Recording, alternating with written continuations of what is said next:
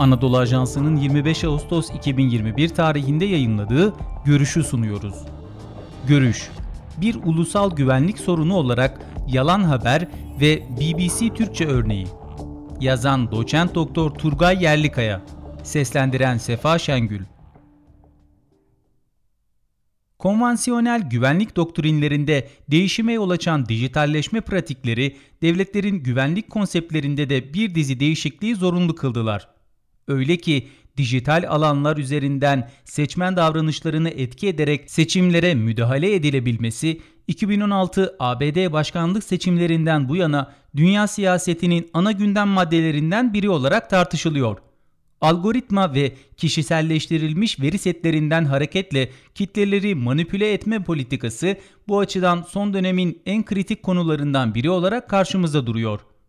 Kriz siyaseti üretme açısından bir hayli elverişli zemine sahip olan internet mecraları devletler açısından birer ulusal güvenlik sorunu haline gelmiş durumdalar.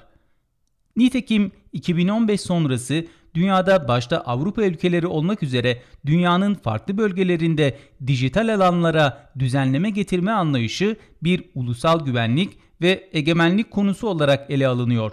Yalan haber konusu son dönemde Türkiye'de de bir ulusal güvenlik sorunu olarak tartışılıyor ve bu alanda ortaya çıkan tehditler giderilmeye çalışılıyor. Özellikle seçim dönemleri ve kriz anlarında sosyal medya üzerinden söylem üstünlüğünü ele geçirmek isteyen aktörler dijital alanları yoğun bir şekilde kullanmaktalar.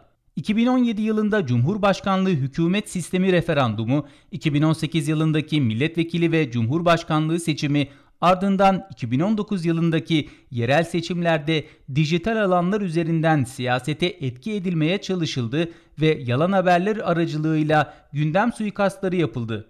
Benzer biçimde son haftalarda Türkiye'nin farklı noktalarında meydana gelen orman yangını ve sabotajların yanı sıra sel gibi doğal afetler sırasında da yalan haberler çok yoğun biçimde dolaşıma sokularak yeni bir dezenformasyon siyaseti izlendi. 2023'e gidilen süreçte özellikle mülteci ve yabancı karşıtlığı üzerinden işlevsel kılınan dijital alanlar Türkiye'nin sosyopolitik geleceği açısından açık bir ulusal güvenlik sorununa işaret ediyor. BBC Türkçe ve yalan haber provokasyonu hem yazılı hem görsel medya içeriklerinin editoryal mekanizmalarından bağımsız bir biçimde dolaşımı bilginin mutlak biçimde demokratikleşmesi olarak yorumlanmalı. Nitekim enformasyon kaynaklarında ortaya çıkan niceliksel artış nitelik açısından her zaman olumlu bir etki yaratmıyor. Öyle ki yüz milyonlarca kullanıcısı olan dijital platformlar istenildiği takdirde bilginin manipüle edildiği ve siyasete müdahale edildiği yerler haline gelebiliyor. Son dönemde Türkiye'deki medya ortamının çoğulculaşması bağlamından ziyade kriz ve yalan haberlerle gündem olan uluslararası medya ve ilgili medyaların Türkiye temsilcileri Türkiye'ye yönelik çok yoğun bir içerik üretimi siyaseti izlemekteler. Türkiye'deki medya ortamını niceliksel olarak dönüştüren bu ilgi medyanın çoğulculaşması açısından önemli bir katkı sunmakla birlikte son dönemde izlenen yayın politikaları itibarıyla herhangi bir egemen devletin kabul edemeyeceği bir düzlemde ilerliyor. Covid-19 pandemisinin başlangıcından bu yana güvensizlik ve risk algısı üzerinden krizleri derinleştirme maksadıyla ciddi bir çaba içinde olan söz konusu medya, Türkiye'de ciddi ölçüde gündem suikastları gerçekleştiriyor. Son dönemde Afgan mülteciler üzerinden tartışılan düzensiz göç konusu da dünyada olduğu gibi Türkiye'de de yoğun bir enformasyon akışı içerisinde haberleştiriliyor. Habercilik pratiğiyle içerik üreten yabancı medya ve Türkiye temsilcileri zaman zaman da ciddi bir yalan haber siyaseti ortaya koymaktalar.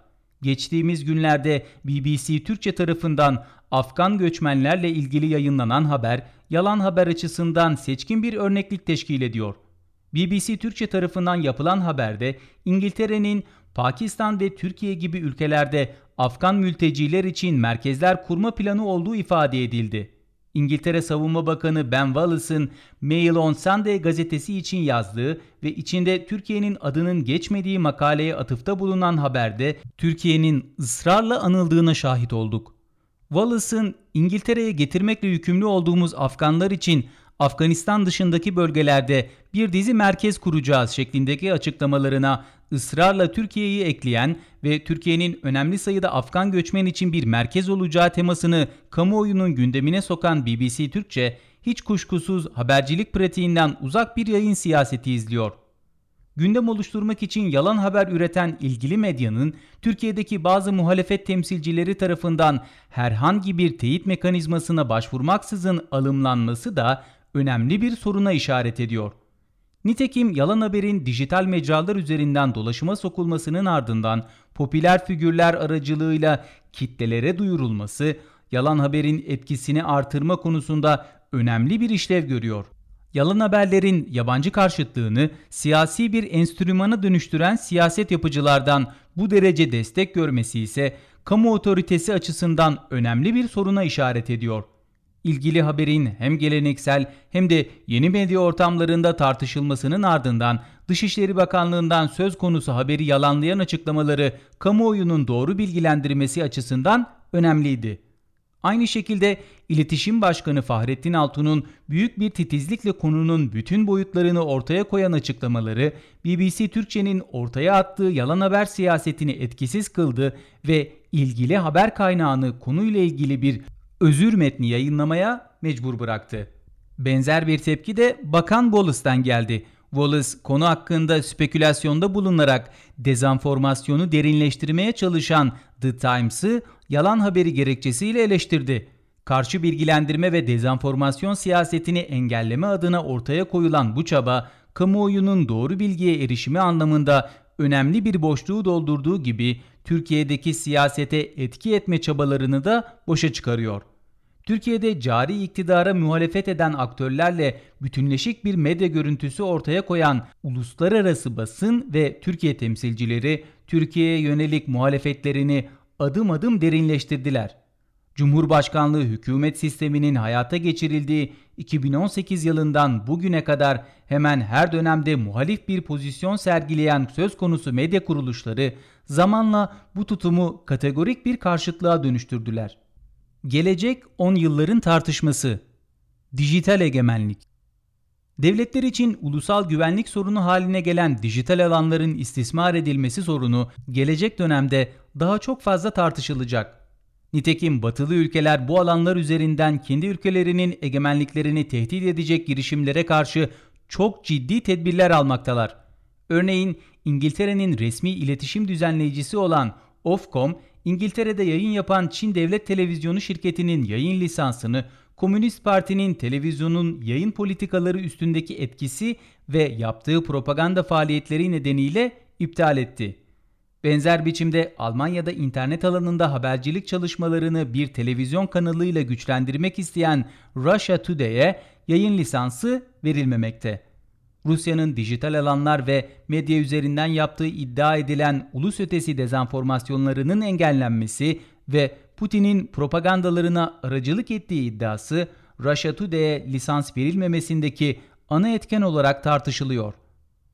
Her iki örnekte de egemen devletlerin kendi egemenliklerini tehdit edebilecek medya ortamları ve bu alanlar üzerinden oluşabilecek olası tehditleri nedenli ciddiye aldıklarını gösteriyor. Uzun süredir 5. kol üzerinden tartışılan medya manipülasyonlarına yönelik Türkiye'nin atacağı adımlar da hiç kuşkusuz yakın gelecekte dijital egemenliğin tesis edilmesi konusunda büyük rol oynayacaktır. Spotify, Apple Podcast ve diğer uygulamalar. Bizi hangi mecradan dinliyorsanız lütfen abone olmayı unutmayın.